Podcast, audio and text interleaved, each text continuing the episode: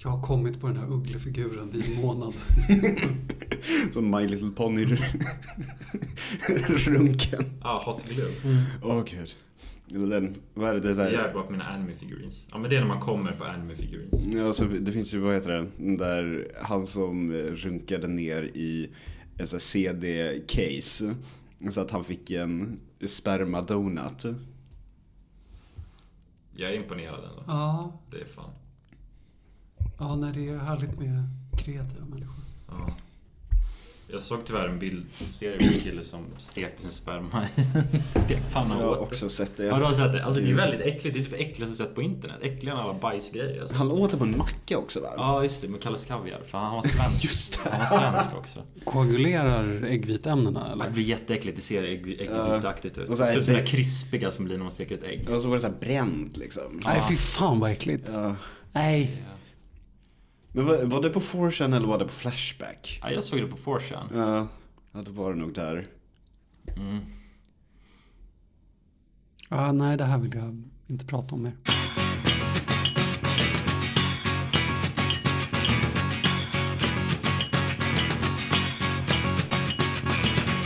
Välkomna till det tolfte avsnittet av Killgruppen. Idag har jag med mig eh, som vanligt jag, Johan, Rasmus Hej. och Christian. Hej. Hur är läget med alla? Eh, toppen. Toppen! Jag tänker inte säga ett ord till. Nej, hemligt. Om det är bra, nej, det är toppen. Mm. Inte vare sig mer eller mindre. Det är fantastiskt. Ja, Nice. Mm. Jag, jag tycker det är toppen. Um, kul. här, här är bra. Knallar går. Hur är det med dig? Jo, jag har tyvärr tagit the deep plunge och börjat spela Lord of the Rings online. Oh, Ja, shit. Eh, Så det är kört för mig nu. Det har jag också spelat en gång. Mm. Jag, har gått, jag har gått med i ett kinship. Mm. Så jag har en klan. Oj. Så nu, eh, och eftersom det är gratis så Ja men det är det enda jag kommer göra Ja. fram tills karantänen släpper tror jag. Utöver på lördag eftermiddagar när vi Fast kör vi har här. ingen karantän vi i Sverige. vi får göra vad vi vill. Fast inte åka SL. Får man inte, ja, har de stängt SL-trafiken? Oklart. nej. Nej, nej. Nej men det, Det är bara de, att de måste gå på i bak. nej, men de uttrycker sig så himla oklart nu. Att man, ska, man får, ska helst resa med dem om man har en samhällsviktig funktion. Mm.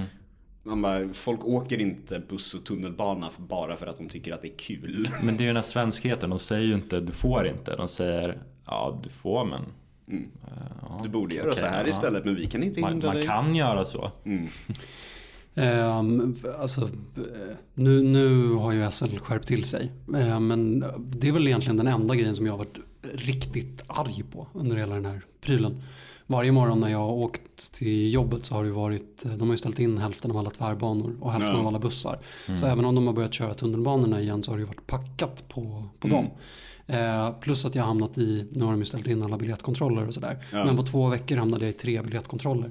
Eh, Ja, för de ökade ju typ i början. och jag, jag vet inte, jag inser hur jävla lite jag kan om vem det är som har mandatet att säga till SL att de ska skärpa sig för i helvete. Mm. Eh, men det är ingen som har sagt till SL att de ska skärpa sig. Utan det är, man har ju kört samma teknik med SL som man har kört med privatpersoner. Det vill säga att Tegnell går ut och säger det där tycker jag inte är en bra idé.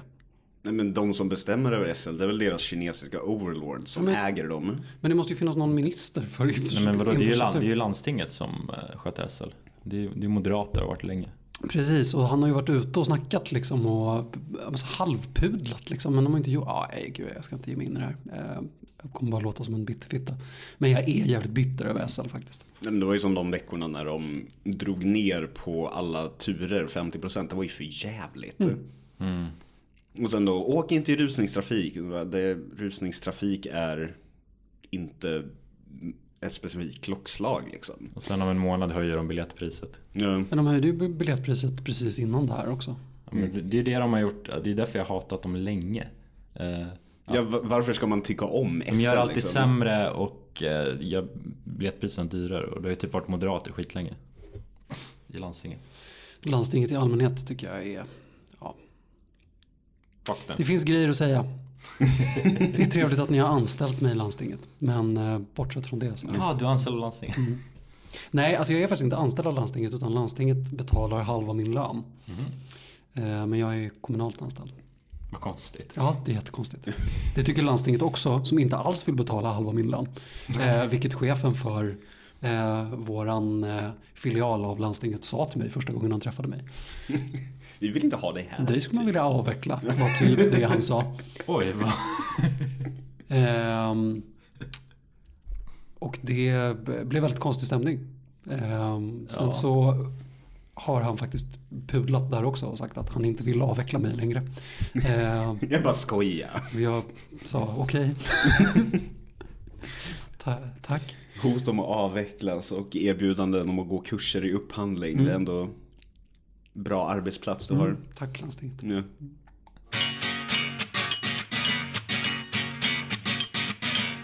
Ja, men jag tänkte prata om jobb eh, och the economy. Spännande. Ja. Nice. Nej, men jag behöver söka jobb till sommaren och eh, det behöver jag göra varje sommar. Mm. Eh, och det säger jag till mig själv varje sommar. Jag har också sagt till mig själv att jag behöver söka extra jobb typ hela min utbildning. Men typ det enda jag gör är att jag går runt i skolan och fotar jobbannonser på anslagstavlor. Ja men det måste man göra om man går på universitet. Eller hur? Det, annars så kastar de ut en. Ja, man tänker så här. Jag kommer söka de här jobben. Det känns bra att göra det. Man bara yes nu har jag tagit steg 1. Nej, steg 0,5. Men jag kommer aldrig förbi steg 0,5. Nej, men jag, jag gör det. Jag får tips av den och den att ska mejla ens chef eller faste som håller på med rekrytering på den enheten. Mm. Jag googlar man gör en bra LinkedIn-profil, eh, hur man gör ett bra CV. Mm. Eh, Men här, kommer ofta inte till själva jobbsökandet. Jag går hellre runt och bara upprepar vad jag hört av alla andra. Att det är svårt att få ett jobb. Men jag söker inga jobb. Jag vet inte för jag har inte provat själv egentligen. Eh, Men det är så bekvämt att bara gå runt och säga att det inte går att få ett jobb. Ja. Och det är så här, för första gången jag skulle söka jobb så var jag 18 och jag hade precis gått ut eh, inom citationstecken gymnasiet med typ 9 IG. Mm. Ehm, Men jag tänkte att eh, nu ska jag jobba lite och ha det lite chill. Så jag tänkte- Eh, Men det var ju också 2008. Eh, Och det året så hade vi en ganska stor finanskris. Just Om ni kommer ihåg det. Ja. Och det enda alla pratade om var ju att ungdomsarbetslösheten var jättehög och det var omöjligt att få ett jobb. Mm. Och det tog jag verkligen till mig.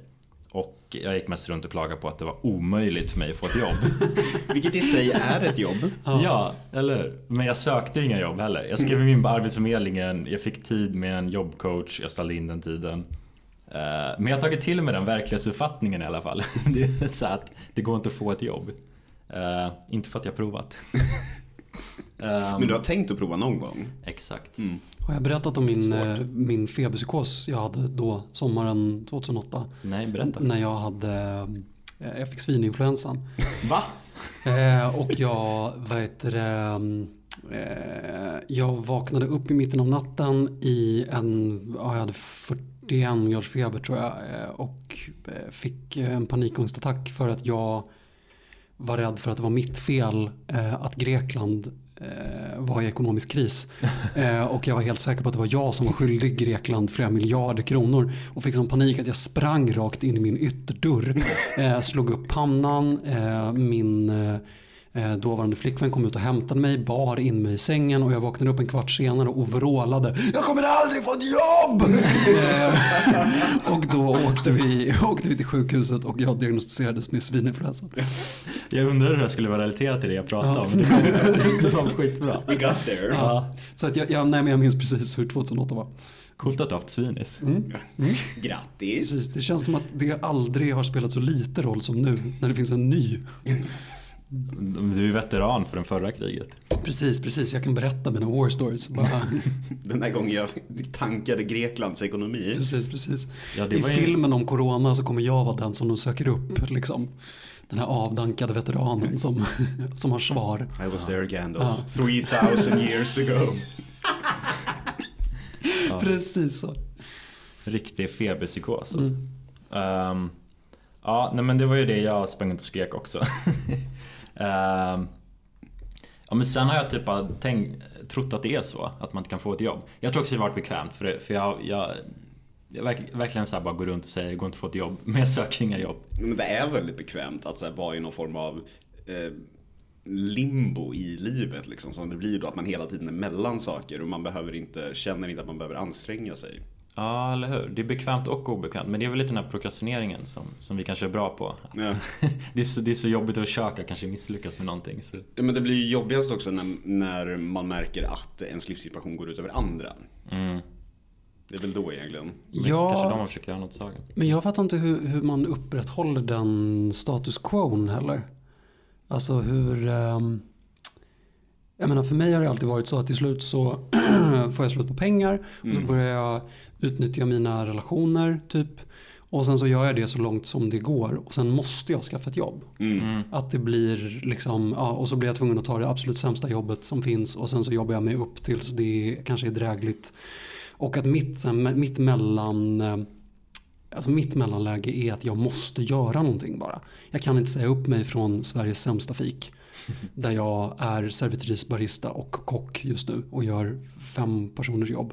För att jag inte har råd att inte göra det. Mm. Eh, jag, fatt, jag fattar inte hur man har råd att inte ha ett jobb. Liksom. Alltså man är bortskämd tror jag. Det är att alltid mina föräldrar alltid bailar me out. Eh, jag, jag, går, jag går till slut tigger pengar av dem och skäms men jag får det. Ni får klippa bort det här om det blir för personligt. Jag är ledsen. nej, nej, det, det är bra. Jag, jag vill prata om det. Jag Eh, diskuterar inte mina finanser on air så. I don't talk about my finance. Eh, nej men det är typ det, det, det som brukar hända för mig. Eh, och då har jag tänkt att så här, det hade varit bättre om, de, om det inte var så. För då hade jag varit tvungen att ta ett jobb som du. Så allting är ju mina föräldrars fel. Thanks mom and dad. det, det är så jävla skönt att vara bortskämd och eh, skylla, skylla på sin föräldrar när man bortskämd. Att vara medveten om sin problematik och det är inte man själv som är källan. Ja, nej, när jag var liten brukade de säga att jag var bortskämd. Men okej, det, är ju- det är ju en- det är ju ni själva som ni kritiserar. Det är, det är inte mitt fel. Inte jag som bortskämt bort mig själv. Här, medans de så här wirar över pengar, det bara åh vad du är bortskämd. Ja, min pappa brukar säga du har inget koncept om pengar. Och så ger han mig pengar. Det är precis så här det skulle bli om det blev fri sjukvård i USA. Alla skulle bara bli så här okynnessjuka hela tiden. Ja, Ja. tror det. Ehm, nej men lite så är det ju typ. Ehm, att jag har alltid någon, fast det är så förnedrande också så jag försöker ju oftast in i det sista att skaffa en inkomst på något annat sätt. Ehm, men, men det händer. Och det är väl det som... ehm, jag vet ju att jag har en skyddsnät. Att jag kommer aldrig liksom... Hamna på gatan. Nej, Jag kommer aldrig helt hamna på gatan. Det, det hade kanske varit en bra motivation. Ja, alltså jag gjorde ju nästan det ett tag. Alltså, Och jag menar, jag har ju egentligen den typen av skyddsnät också. Jag hade ju absolut kunnat... Eh, hade, hade jag ringt min pappa och sagt du antingen sover jag hos dig eller så sover jag på gatan så skulle han ju aldrig ha... Eh, han skulle aldrig låta mig göra det. Mm. Men jag tyckte ju det var så pinsamt så jag sov ju på gatan istället. Liksom. Eh, Ja men du har lite stolthet och moral istället. Ja men precis, men jag hade nog aldrig gjort det om jag hade haft, om, alltså om jag inte hade om jag inte hade vetat att jag, skulle, att jag hade kunnat sova hos pappa så hade jag nog aldrig heller sovit på gatan om jag hade haft ett val. Liksom. Så att det, ja. Lite for the story. ja liksom. men for the story och också så här, jag, jag tänker att om man har blivit tvungen att sova på gatan och så har man chansen att inte sova på gatan så väljer man ju att inte sova på gatan. Ja, du kan gå slumming liksom för Ja. du vet att du behöver egentligen inte sova på gatan. Nej, men har precis. du sovit på gatan? Ja, några gånger. Har du? Ja. Jag trodde inte du hade faktiskt sovit på gatan. Jo, jag sov på gatan. Sovit på jobb också några gånger. Det Ja, vet det jag. vet jag. Ja. Vi följdfrågan var på gatan. Typ Ehm, under ett träd i Tanto. Vart du stabbed? Ja, men parkbänk har sovit på någon gång. Va? Ehm, Som en riktig uteliggare. men oftast så har det ju varit att jag liksom tar mig in i något trapphus typ. Eller att jag... Alltså oftast, nu låter det som att jag har gjort det här massa gånger. De gånger jag har... Som det hände igår. Ja, nej liksom. men precis. Nej, nej men jag, ehm, och det var en av anledningarna till varför jag fick sparken från mitt jobb. Jag sov ju på mitt jobb Mm. ehm, några gånger. Eh, och det var, alltså det var en två månaders period när jag inte hade någonstans att bo. Mm. Och där jag mer eller mindre eh, ja, men antingen var beroende av att jag skulle kunna sova hos någon kompis eller att jag sov eh, hos någon som jag blev uppraggad av eller något sånt där. Ehm, men de kvällar som jag inte hade någonstans att sova tror jag går att räkna på en hand. Och varav tre av dem jag sov på mitt jobb. Och två av dem kanske jag sov någon annanstans. Så att det var någon gång jag sov på en parkbänk tills det blev för kallt och jag började gå typ. Så jag sov inte.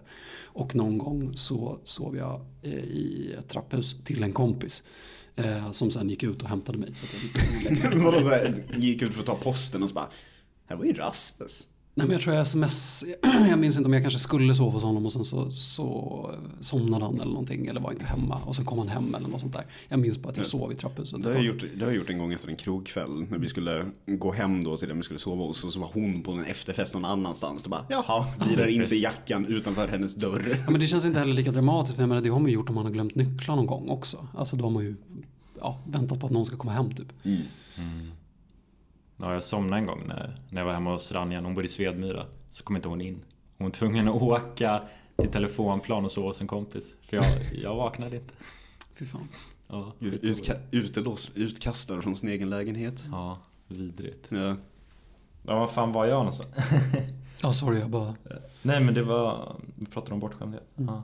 ja. Men det är också, du vet, det är, det är en dubbel bestraffning av bortskämd. Därför att man har ingen initiativförmåga, man kan inte göra någonting. Och man låter som ett jävla svin om man gnäller på det. Mm, mm, mm. Ja, gud ja. Jag, jag, jag relaterar mycket till Jonathan Unge när han säger att han, han inte kan göra någonting. För att jag fick också ta så här fem, sex bullar som han fick göra. Han berättade när han var liten. Vadå? Eh, Jonathan Unge brukar snacka om sin barndom ibland. Typ att han, han fick ta hur många bullar han ville. Och han blev förvånad en gång när han var ensam hemma. Han, han blev chockad för att han hade ätit bullar och ställt en tallrik någonstans. Och sen så hade han gått iväg och så kom han tillbaka och då var tallriken kvar. Och han, han, han trodde att det var något hemskt som hade hänt. Det var bara att hans mamma eller syster hade inte varit där för att ta bort tallriken. Man blir ju helt inkompetent. Ja, Och så är jag också. Men det får jag inte gnälla på för då är jag bara en bortskämd as. och det tycker jag själv också. Eh, Men när folk pratar om den så här curlade generationen. Eh, Mm. visst är det generationen efter oss va? Som är den söndercurlade generationen? ja, jag tror att det började med oss och sen så vart det ännu värre kanske. Ah, okay. Och jag vet inte hur det är nu. För när, pratar om, när folk pratar om sena 80-talister, tidiga 90-talister så är det ju att vi är så himla så här att vi är såna jävla entreprenörer och hela den midvittan liksom. Och jag vet inte om det beror på att vi är bortskämda också. Att vi känner att vi kan göra vad fan som helst. nej men att, ing, att ingen har sett, be- satt begränsningar på oss och vi tror helt enkelt att världen är vårt ostron. Mm. För att jag, jag blir chockad också när jag konfronteras på jobbet och sådär över eh, i vilken utsträckning föräldrar gör saker åt sina barn. Mm. Eh, och det är ju den, den ja, nästa generation efter oss. Liksom. Så jag tror att det är ett glapp där också där jag, där jag känner att det är att de, de lär sig inte att ta något, något eget ansvar liksom, Ja. överhuvudtaget. Det finns ju en annan sida av curling också så, eh, och, som är att eh, om man aldrig får eh, prova att göra saker själv och prova att göra sina egna misstag så blir man livrädd för det och eh, blir väldigt rädd för att misslyckas. Eller Ja. väldigt, väldigt rädd för att göra saker och, och få typ mer ångest och sånt. Mm, Mm. Eh, så så det också. Jag är ju livrädd för att misslyckas bara generellt liksom. Ja, jag med. Vi har ju pratat om det. Ja. Ehm, ja, no, ja, men det var inte egentligen det jag skulle prata om, men jag, men jag tycker att det är intressant. Mm. det är intressant hur man kan prata om det. För att man känner sig alltså, ja, det går inte att prata om det för att man känner sig som, man känner sig bara bortskämd. ja men det, är så här, det låter dåligt att prata om det. Ja, Man bara, åh nej, nå, mamma satt över pengar igen. ja, Jag som ville klara mig själv. Nu Ja, kommer jag aldrig få ett jobb. Ja. och man, man går ju med på det också. Man, man, man skulle ju kunna göra som Rasmus och faktiskt sova på gatan. Ha lite, Slumma till det. ja. Ja, fan vad ädelt. Ja. Vad gjorde du igår? Äh, men jag provade att sova på en parkbänk utanför min port. Ja. Nej, för så är det, nej, men så är det för min tjej till exempel. Hon är ju liksom inte... Eh, hon är ju på riktigt rädd för att hamna på gatan för att hon har gjort det en gång. Liksom. Det är här, ehm, hon har inte det skyddsnätet. Hon får gå till SOS liksom. Om man fick gå till SOS kanske det skulle vara. Jag fan känt många, vi har ändå känt många som typ har gått till SOS. Ja, som sommarjobb. Men ett problem blir ju också att man har så jävla dålig koll på sina rättigheter tänker jag. Att så här, hur många känner vi som vet hur man går till SOS? Ja, jag vet ju det för att jag pluggar socionom. Ja. Men, Eller jag eh, visste det innan också tack vare det. Men eh, jag jag har tänkt på det nu med liksom hela, ja men med att arbetslösheten går åt helvete nu igen och sådär.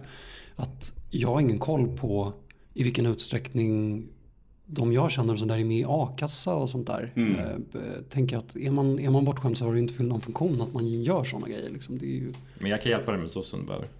Jag kan hjälpa ja, bidragsfuska. eh, eh, a- a-kassan är jag med i men så, så skulle jag nog behöva hjälp med om det, om det kommer dit. Ja. När jag blir avvecklad. När du, när du blir nedmonterad. Ja, precis. Ja. Ja men eh, om vi går tillbaka till det här med typ, eh, jag ska söka jobb. Alltså, jag tänkte i alla fall i år att det skulle bli annorlunda. För jag hade hört ganska länge att det var högkonjunktur. Alltså folk har snackat om det längre. Det, var, det lät ju nice liksom. folk brukar snacka om ekonomin dålig. Nu bara, nej men det är ju högkonjunktur. Det var, det var nytt för mig. Eh, och då tänkte jag, det måste ju finnas jobb överallt. Jag hypade upp mig en massa. Men precis när jag hade hypat upp mig som mest, vad tror ni hände då? Coronan kom och förstörde ekonomin. Alltså, den, folk sa att det, här kommer bli värre än förra finanskrisen. Det här kommer bli depression. Det är det att alla eh, släpper sina arbetare men samtidigt så behöver alla också extra. Det är liksom plus minus noll på Det går inte att förstå. arbetsmarknaden. Liksom. Nej. Nej, alltså vår enda chans är väl om det uppstår en massa jobb i det här. Alltså vi kommer inte kunna ta in någon utländsk arbetskraft till exempel. Så att du får plocka bär Christian. Ja men det är det jag kommer till faktiskt. Eh, men för då, då, alltså, det var ju det jag upptäckte att så här, okej, ja, men nu, nu är det ingen högkonjunktur. Folk fick sparken med sina jobb. Jag tänkte helvete. Men, som du sa, det finns ju ett område där det verkar finnas jobb tydligen. Eh, och det är ju för att eh, vi får inte in någon billig utländsk arbetskraft på grund av coronan. Som kan plocka våra grönsaker. Eh, och bönderna säger ju att det går inte att fylla med inhemsk arbetskraft för svenskarna vill inte göra det jobbet.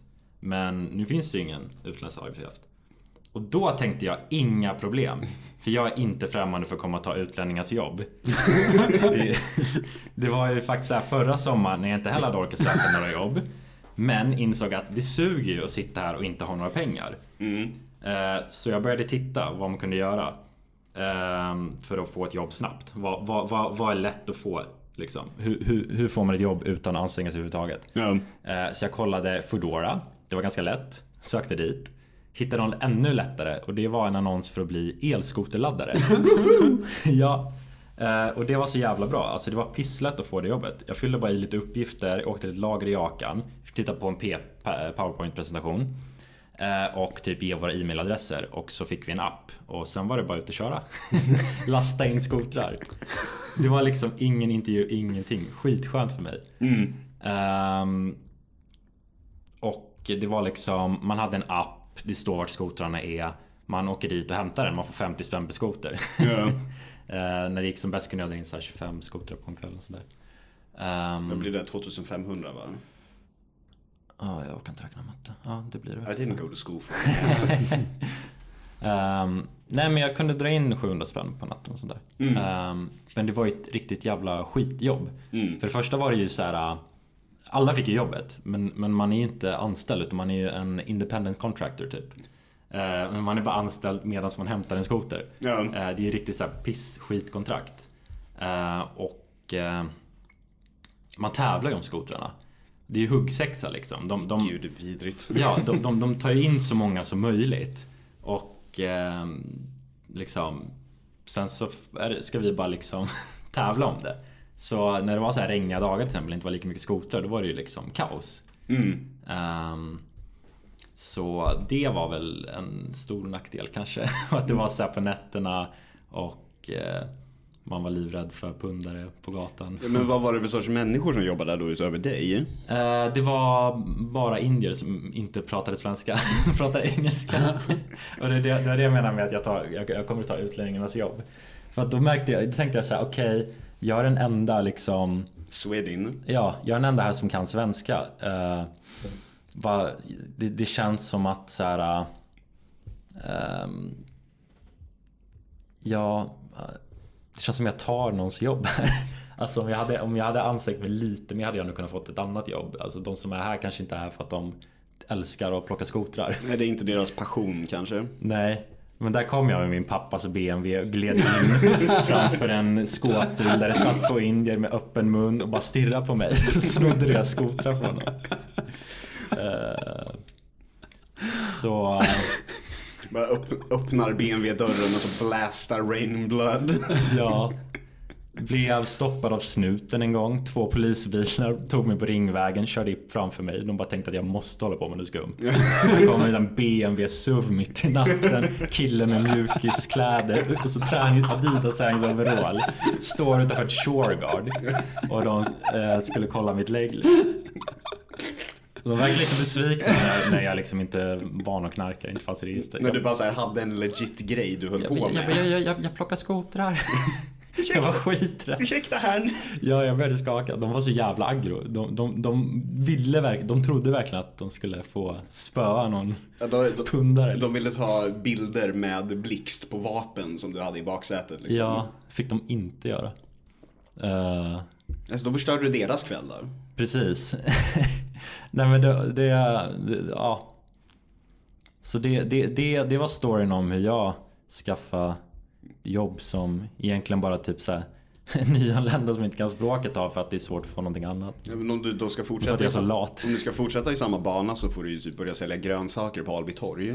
Nej men jag tänkte att eh, nu är det dags att Öppna en kiosk. Nej men jag, jag ska åka och plocka frukt. Som, åka och plocka gurkor för att eh, vi, vi får inte hit någon polacker nu. Du kommer bli, du kommer bli, gud vad heter det nu igen? Som man är, dräng. Du kommer bli dräng.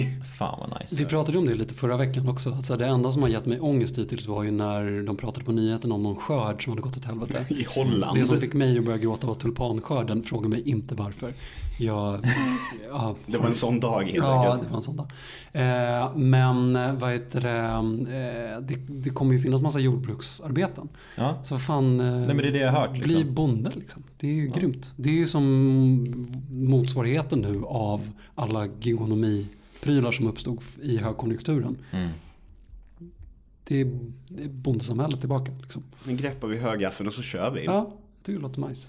Nice. Ja.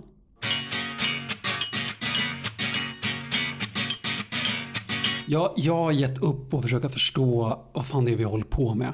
Jag har slutat kolla på presskonferenser. Jag tar del lite av så andrahandsinformationen av folk som säger vad de tycker om det som har sagts på presskonferenserna. Men tiden när man liksom satte på e eller ja, slängde på P1s livesändningar varje dag klockan två för mig är, är över. Eh, för jag, ja, alltså det, lite det som vi pratade om tidigare, att, att jag blir som jag blir som frustrerad över det här politikersnacket. Ja. När först ska Tegnell gå upp och säga Alltså han kan inte, han är, så, han är så bakbunden av sin egen position att han kan inte säga att han inte tycker att vi skulle resa. Utan att han måste liksom väva in det i så himla mycket ludd. Eh, för att Stefan Löfven sen ska gå upp och säga att han skäms över de som åker till Gotland. Liksom. Eh, och jag, jag pallade inte det mer. Eh, så att, ja, jag, jag vet inte riktigt vad det är vi håller på med.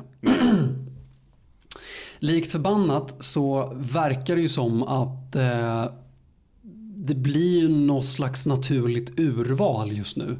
Att de mest ansvarsfulla personerna, de sitter hemma. Ehm, och eh, de som är självupptagna och allmänt hemska. De eh, går ut på stan, umgås som vanligt, går på fest, har begravningar. Eh, ni vet sådana där grejer. Ja. Och jag vet ju liksom inte riktigt om det är så att vi är sugna på någon slags flockimmunitet. De säger ju det hela tiden att det inte är så. Men Tegnell är ju sugen på det. Ja men han är ju Han det. vill ju att 50% ska smittas. Jag Mm, tror ju det också. Det är bara det att med det här naturliga urvalet så är det ju fel personer som smittas. Det är ju de oansvariga som smittas. Mm. Vilket innebär att när nästa våg kommer i höst eller när det är. Då jävlar. Då är det bara de mest oansvariga självupptagna asen Ja, det är sant. som har flockimmuniteten. Då är det bara de som ska liksom. Det är de som överlever. Då är det de vi ska luta oss mot. Folk som dricker Nocco. Folk som dricker Nocco, folk som nu sitter på västkusten, folk som på allvar tycker att det är så här problematiskt att man har börjat eh, vara rasistisk mot stockholmare. Alltså personer med tvivelaktigt eh, beteendemönster, folk med tvivelaktiga åsikter. Har de på sig Gant? Eh, de har på sig eh, piké i alla fall.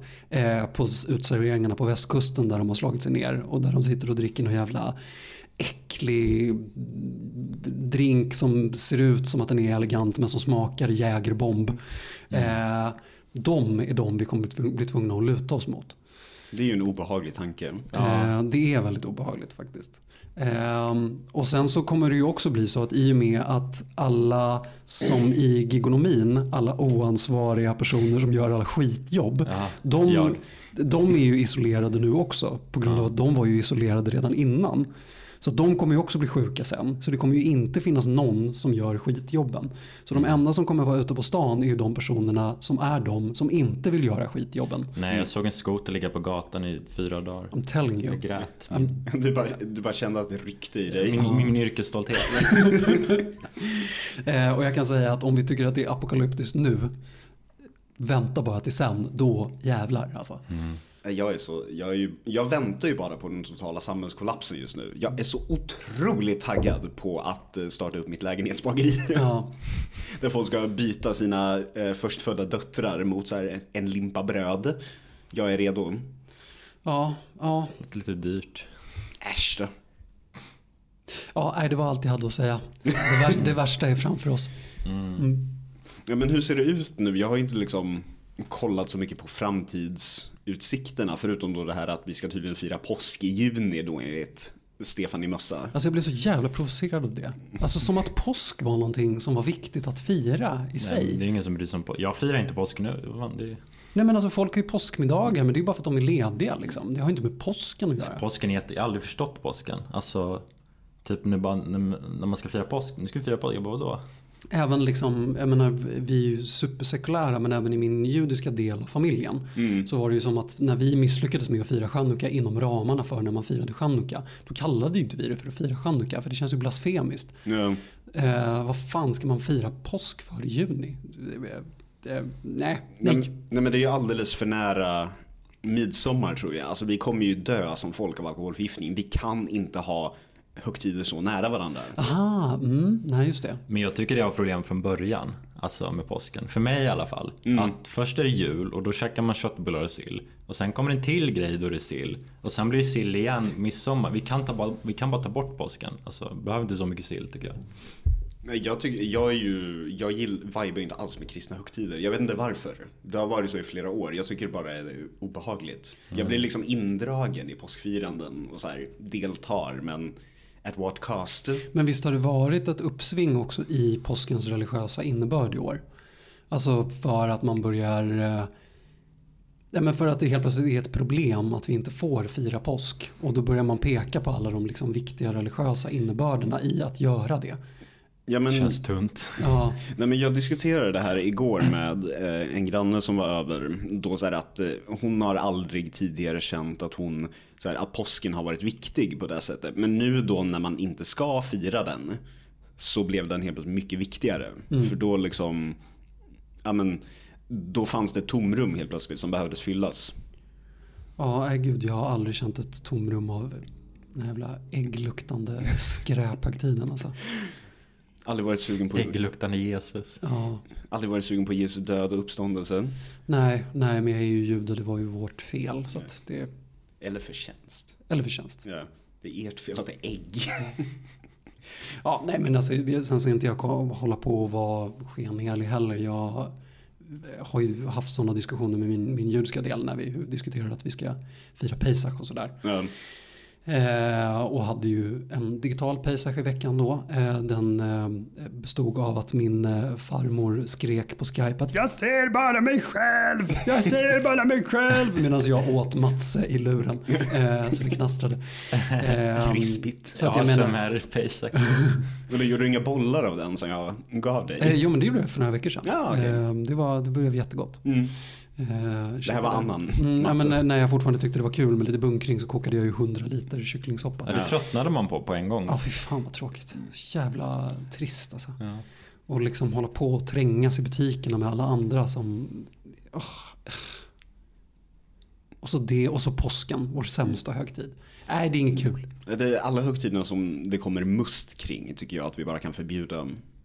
Men jag gillar must. Ja, Jag gillar också must. Tycker det är enda bra med påsken. Ja, att få dricka det- must. Det här var sista avsnittet av vår podd. Varför finns det inte midsommarmust? För i helvete. För Det finns det, det kallas snaps. Ja precis. Ja, jag får inte dricka sånt längre. Också, Jul, påsk. Det är också så här, det är snapshögtider. Jag fick en riktad annons ehm, för en O.P. Andersson färdigblandad drink. Och jag höll på att kräkas. Gud vad hateful. Jag tänkte bara såhär, tack O.P. Andersson för att ni gör allt för att jag inte ska ta ett återfall. För att jag höll på att kräkas när jag såg den skiten. Men vadå, va, vä, vänta. Jag kan visa en bild. Ja för det låter faktiskt, vadå, vad var det för sorts äckelpäckel? Um, någonting helt jävla vidrigt. Här har du den. Här. ehm, Oj, vilken snygg burk. Det Ja. ser ut som en eh, tjeckisk öl. Vad är det för något då? OP Andersson Organic Aquavit är en färdigblandad cocktail med bas av OP Andersson, lätt kolsyrad ekologisk och med smak av citron och nässlor. Servera väl kyld som fördrink till middagen eller tillsammans med snacks på festen. Men vänta, Va, så, vänta, va? Cocktail med bas av OP Andersson, lätt kolsyrad ekologisk och med smak av citron och Men nässlor. vänta, Det är det vidrigaste jag har hört. det är bara en skinny bitch med bas på brännvin. Fy fan. Ja gud, det här är... Grogga med OP det gör man ju bara när man är desperat. Ja, verkligen visst, desperat. Visst, det är liksom sent, sent, sent på den här påskmiddagen om man inte, inte vill gå på om man tar en, en OP-must. Man gör en screwdriver på akvavit. Ja, fy fan vad äckligt. Ja, alltså, men, Blir du törstig? Det måste smaka Trocadero va? Nej, jag tror det bara smakar äcklig OP. Alltså jag har fortfarande kvar OP-smak i munnen fast det var fyra månader sedan jag drack. ja, alltså det, jag vet inte, jag tycker inte att det är så jävla gott. Det är för jävligt. Ja, Jag hade några tonårsfyllor på Den OP. smakar så här brunt som den är. Ja, och- sen, sen dess har jag inte kunnat dricka OP faktiskt. OP, ehm, Averna och eh, Jägermeister. Eh, Olika kryddlikörer är Ja. mitt, mitt värsta. Som jag får war flashbacks när jag ser... Jag Som får det alltid händer skit på. war flashback när jag ser en gammeldansk. Ja.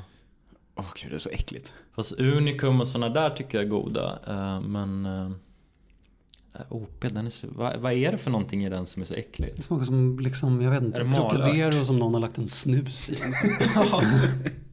ja men det är någonting som är så jävla äckligt. Någon så äcklig ört som bara ska vara det för att det ska vara äckligt. Ja, men det är väl som i alla andra sådana, det är väl johannesört i på den jävla vänster. Jag tror det också. Fan. Jag har en hudkräm som luktar det.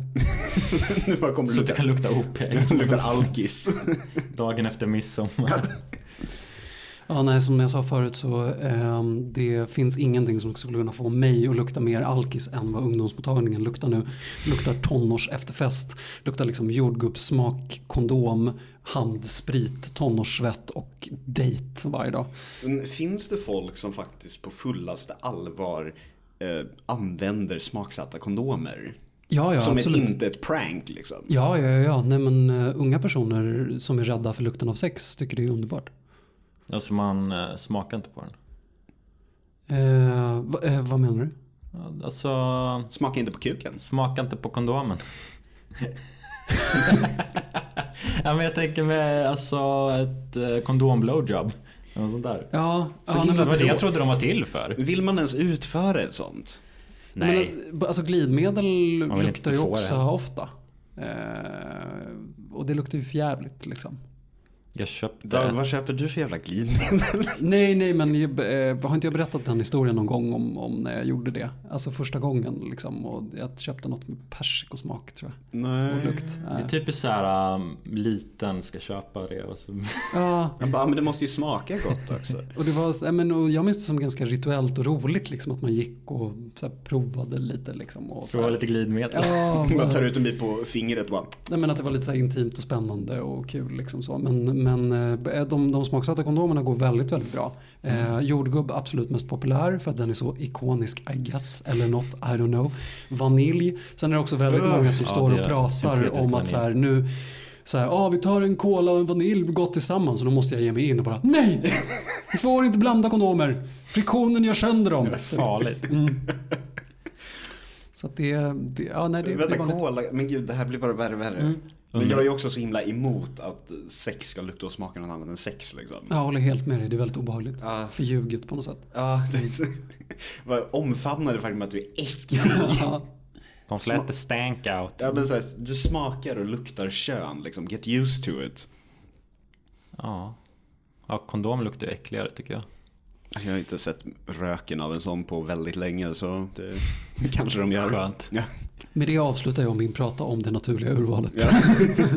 Tack. Ja.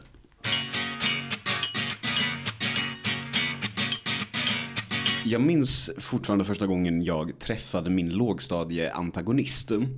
Det var när, framåt slutet av eh, le lekis då innan jag skulle börja ettan. Eh, Och då kom det in någon så här väldigt solbränd ny kille med sin väldigt unga mamma. Och jag har ju alltid tänkt att alla har väldigt unga föräldrar eftersom mina föräldrar är pissgamla och var det redan då tyckte jag. Eh, Och sen så började han i vår klass till, ja men till hösten då när vi skulle börja ettan. Och eh, han började försöka hävda sig och terrorisera folk lite lätt, nästan direkt. Och jag var ju så här lite korpulent och var så lätt måltavla. För så här, jag kunde ju inte ordentligt interagera med människor som visade annat än vänlighet. Det kanske inte... De, de flesta kanske är sådana, I don't know. Eh, Men Du han var bara ett snällt gulligt barn. Du hade inte varit med om några elakheter. Nej, Jag, var, jag, hade, jag hade fittiga tendenser. Framförallt då när, om folk inte var vänliga tillbaka kunde jag snap lite grann. Jaha, du var redan då väldigt passiv aggressiv. Ja, för jag tänker att du är ju inte en sån person som bara är vänlig alltid. Nej. Och det var så också då. Jag tänkte på ett gulligt, snäll, gull, nej, gull, gulligt, snällt, lite knubbigt barn som aldrig hade varit med i alldeles världens ondska. Eh, Jag var försynt men lite fittig så att säga. Det är ungefär som nu. Okej. Eh, Men då var det som att han inledde lite av en, så här, en terrorkampanj mot mig som pågick ungefär upp till femman. Eh, Då jag till slut fick nog och kastade in honom i ett eh, stängsel av metall. Han började gråta och fick jätteont och tappade andan. Eh, Jag blir fortfarande så lite glad när jag tänker på det. Det är så här success. Fullt stånd. Ja, ja men halv, halvmass liksom.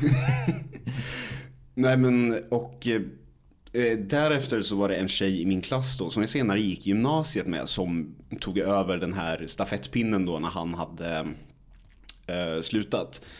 Eh, och, men hon var som tjejer var liksom att det var, de sa saker och så konspirerade lite. Det var inte så mycket så fysiskt Nej, på något vis. men de är värre. Ja, varpå jag då kände att jag inte kunde bevisa detta för någon. Läraren lyssnade ju inte. Eh, Och jag kunde inte bevisa att detta pågick för någon. Så en gång så satt jag och slog på min arm med en linjal så att jag fick en massa röda märken. För då tänkte jag, då har jag någonting fysiskt att visa upp för en lärare. Oj, vad manipulativt. Ja, nej men då var det ju så här, för då eh, i efterhand vet jag, då försökte jag manifestera det psykiska fysiskt. Börja bra där. Det låter som en terapeut sa det här till dig. Eh, Ja, det kan ha hänt någon gång. Men det är också så här, det lägger, har jag insett också, tyvärr väldigt mycket groundwork för hur jag senare hanterade saker. Så det är inte jättebra. Eh, Och eh, jag vet inte, det är så här fizzled out, försvann efter ett tag. Och sen var det då 89 på vår skola. Som, de kommer då från andra lite mer rough områden också. Och de gillade inte att jag var en liten halvtjock tönt liksom. Och det kunde jag inte riktigt värja mot för de var, tyckte jag var så jävla långa. Ja, det... Ja, nej men alla var ju så här tre meter långa även fast det var ett år mellan oss. Vänta, vilken klass gick du i nu? Eh, sexan tror jag. Ah, Och eh, Var den psykologiska barriären också för att de gick på högstadiet? ja men typ. men jag kommer ihåg alltså att 89 var jättestora fast de var Mm. Ett år äldre bara. Till saken hör också att alla de var typ kriminella också. Ja, typiskt 89 Ja, ja men, eller hur. Vissa av dem satt inne senare har jag tagit reda på. Choices. Eh, och eh, 89 och jag hade väl eller de kunde ju bli våldsamma för de var ju psykopater hela bunten. Eh, Och det visade sig mer senare då när de också började upptäcka eh, nationalismen. In, inte en bra breeding ground. Eh, men sedan dess har jag nog faktiskt inte utsatts för saker på det sättet. I gymnasiet var det inte så. Närmaste var en gång när en snubbe som var Jehovas eh, frågade mig när jag var snubbig om jag hade aids. Mm. Jag hade inte aids. Nej, då det känns ju som att... ehm, Jag vill inte bli tilltalad så av eh, oskulder liksom. Nej, då är det ju en tönt som försöker mobba dig. Ja, de, ska, Ja. de ska inte komma och ta ton. Nej. De ska veta sin plats. Då vände det väl lite i och för sig. För då började jag ju också hänga med stockholmare och blev så här. Jag var lite bättre Ja. än andra tyckte jag. Eh, Men jag har ju också så här, sen i efterhand insett att det jag utsattes för i grundskolan, att det typ var mobbning. Men vi också som generation har ju bombarderats sen vi var i typ den åldern om vad mobbning är och att vi ska vara emot det. Så väldigt mycket av ställningstaganden folk tar nu för tiden är ju, i, i vår generation är ju grundade på att vi är emot mobbning. Och då när vi ser någonting som liknar mobbning så är vi per automatik emot det. Det skapar ju ett väldigt svartvitt tänk. Ja, det känns ju taskigt. Ja. Nej, men, och sen undrar jag egentligen så här, hur mycket så här, Friends-propaganda har typ influerat vilka vi är som generation. För det känns ändå som att vi är generation mobbing på det här sättet. Som mobbar. Mobbar och eh, framförallt så här, är medvetna om mobbning. Jag tror också att medvetenheten är stor för att jag tror att vi mobbar ganska mycket mindre än generationen innan oss. Mm. Ehm, jag tror att vi har varit mer medvetna och blivit, blivit liksom eh, exponerade för mycket mer antimobbingpropaganda än alltså de historier jag hör om, om skolor på 70-80-talet liksom, som låter Ja, när man- fullständigt ja, det- wild. Ja. När, när man slog ihjäl varandra typ. Ja men typ. Ja. Och där det liksom, ja men där det fanns så tydliga hierarkier där lärarna bara inte gick in. Att det, det, var, ja, det var bara så det var liksom. Mm. Ehm, Ja, och det känns ju också som att man går in i en skola idag så här, eh, så mellanstadiet så det, det känns inte som att det är så här vicious som nej men och så samtidigt så jag, jag tror också att barn idag. kan bero på vart i och för sig. Ja, Jag tror att barn idag är också mycket mer medvetna om de olika typerna av mobbing. För att jag, jag kan få så war flashbacks till olika situationer där jag har varit en riktigt fittig unge. Alltså. Men där jag där och då mer såg det som helt naturligt att man var fittig. Eh, och att man var taskig för att folk var det. Liksom. Eh, att, så här, alltså att mobbing för mig var väldigt mycket så här, dels var det så här fysiskt våld och systematiskt eh, eh, förolämpande och sånt där och skimande. Men att bara så här naturlig fittighet mellan barn eller eh, de hierarkiska uppdelningarna mellan töntar och icke-töntar och sånt där. Det såg inte jag som mobbing då. Det har man ju förstått i efterhand. Liksom. Ehm, och det kan jag få ångest över ibland. Alltså mobbade töntar. Ja. Men Jag har ju nu istället i vuxen ålder vänt helt och är helt och hållet för vuxenmobbning och tycker vi borde mobbas lite mer. Framförallt online. Berätta. Nej men folk beter sig helt enkelt. Och de ska inte komma och tro att de är någonting. Nej. Nej, de behöver lite näthat. Ja. Jag vet inte, jag är så, jag är så allergisk mot scheming och eh, mind games. Eh, att hela trollkulturen är det som jag tycker är, alltså är värst i hela världen.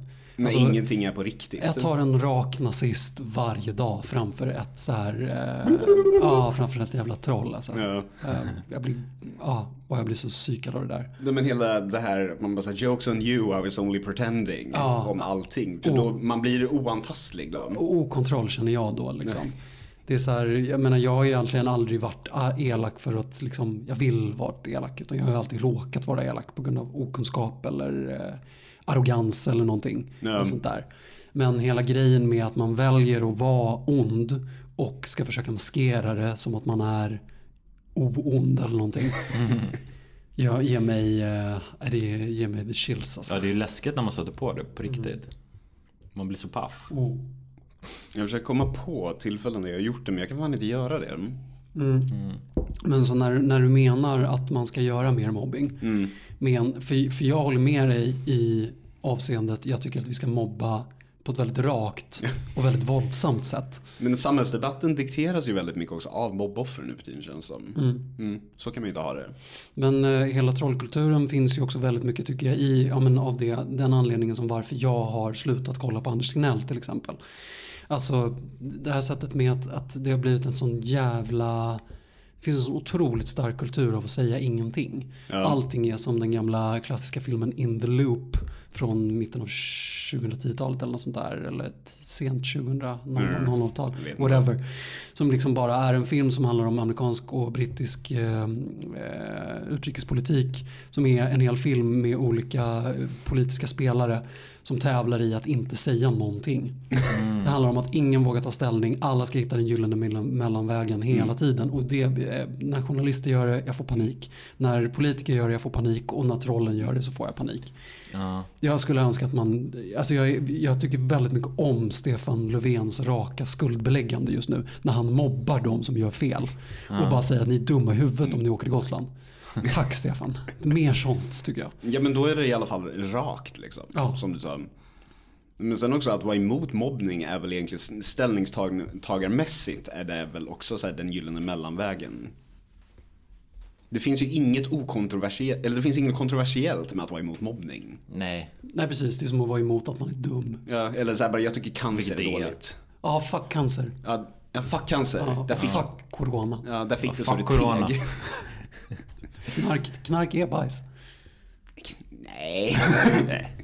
In, inte i min goda knarkliberala podd. Visst knark är bajs. Ja, viss knark. Heroin är bajs. Mm. Men chack är nice. Okej, okej, bra. Mm. Det ska finnas en tydlig hierarki. Ja men eller hur. Man ska, man ska veta vad man tar. Mm, precis. Mm. Nej men så, här, så jag vet inte. Jag tror inte riktigt att jag har någonting jag vill komma fram till egentligen. Förutom då att eh, jag kanske som före detta mobboffer som jag insett i efterhand då. Att jag nu kanske då helt har svängt och är bara för mobbning fast bara vuxna. Barn ska helst hållas separerade. Men vuxna behöver uppfostras lite mer tror jag. Mm, alltså jag, jag håller med dig, men jag tror verkligen att jag, som jag känner så håller ju väldigt många av dem man ogillar på med vuxenmobbing. Hanif Bali till exempel. Men han är ju så kort. Ja, men, det är ju eh, self-own. Absolut, han är så här orak och han är helt oantastlig för att han hela tiden håller på och slingrar sig som den lilla orm han är. Eh, men eh, vad heter det, och honom skulle man ju vilja vuxenmobba ordentligt. Hårt i hans ansikte. Jag vill säga plocka upp och kasta iväg honom. Ja men precis. Eh, men det är just rakheten i det övergreppet som jag vill, som jag vill poängtera. Eh, för jag, alltså, det är ju det är den här obehagskänslan jag känner inför att det är otroligt svårt att eh, hantera de negativa krafterna just nu. Eh, förmodligen kanske det bästa är genom att mobba dem på det sättet som jag ogillar så mycket. Genom att trolla dem liksom. Eh, men jag vill inte spela deras spel.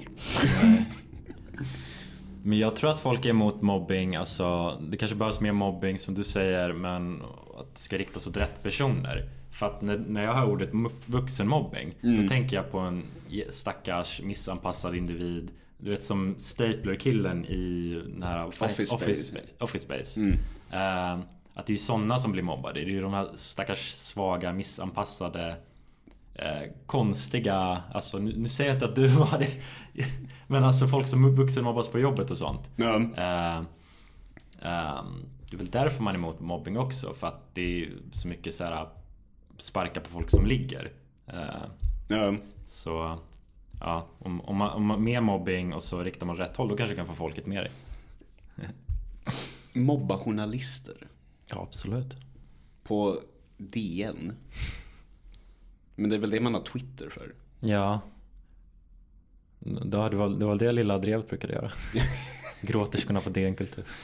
Det har blivit också egentligen att alla nu för tiden ropar mobbning så fort någon säger emot dem.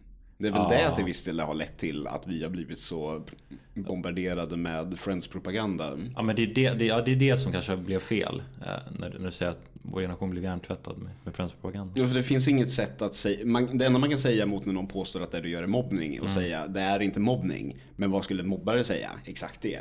Checkmate. Jag förstår dig. Alltså jag blev också anklagad för mobbing av en kille som det fanns en kille när jag gick i skolan som var så jävla konstig. Och han började gråta för allting hela tiden. Det Typ. låter som ett litet freak. Ja, men han var typ ett litet freak. Men det var typ som man sa hej till honom eller petade på honom. Och, och, och det var inte så här. Jag, jag, jag gick inte systematiskt och sökte upp honom och typ sa taskiga saker till honom och puttade på honom och sånt där. Men ändå blev jag av några andra utpekade som hans mobbare. av honom sen. Och då, det, det, det är den här luddiga gränsen va. Eh, jag kanske var ett asshole ibland, men jag var inte så mycket av ett asshole. Jag gick inte och leta upp honom liksom och var taskig mot honom.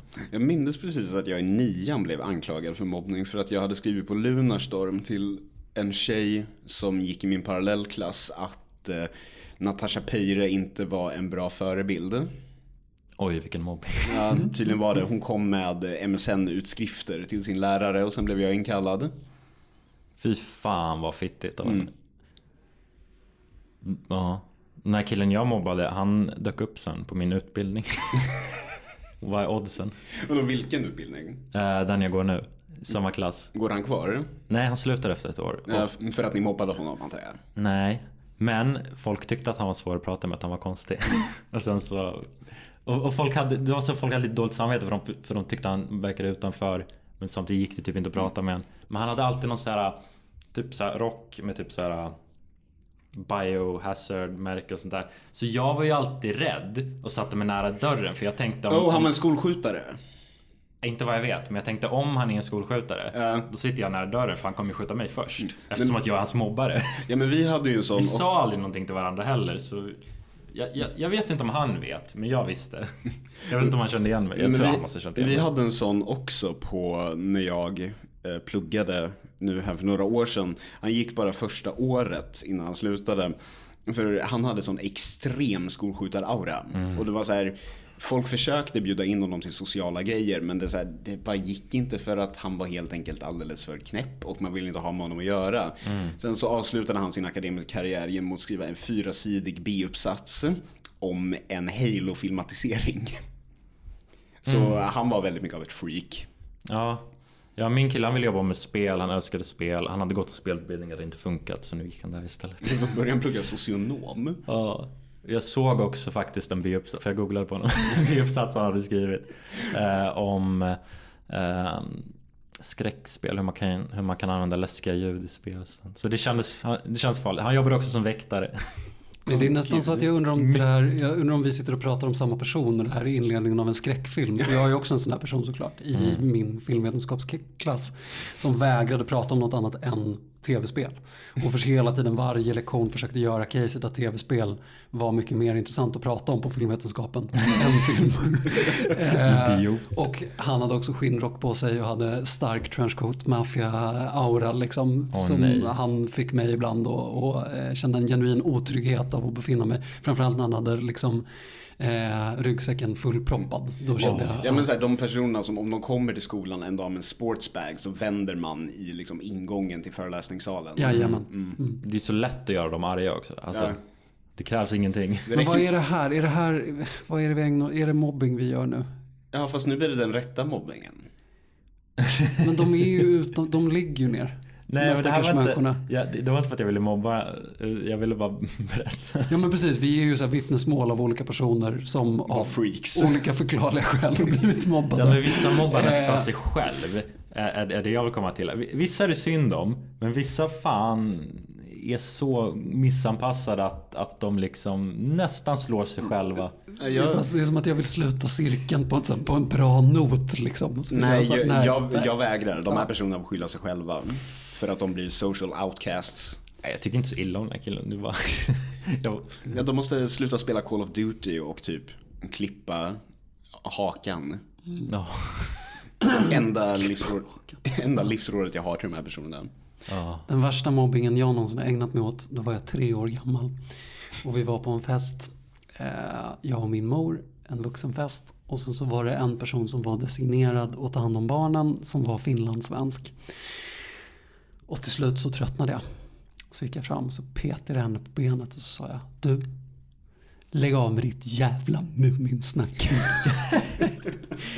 jag var helt säker på att hon var så nedlåtande och bara lekte. Jag kunde inte tänka att det fanns riktiga finlandssvenska personer. Älskar att du var Kjell Bergqvist när du var tre år. Kom de, ut, de vuxna kom ut och hämtade mamma i köket och bara, eh, du, din son, är han, eh, är han rasist? Ja. Jag Kjell Bergqvist. Jag måste käka banan bara. Du, din, son, din son, är han eh, Kjell Bergqvist?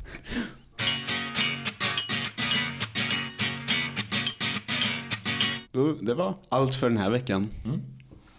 Hej oss. Ja, eh, så gå in och ge oss en rating vart du än lyssnar och följ oss på Instagram på Killgruppenpodden. Gör det. Hej då alla. Hej då. Puss. Jag kommer på att jag har inte gjort det.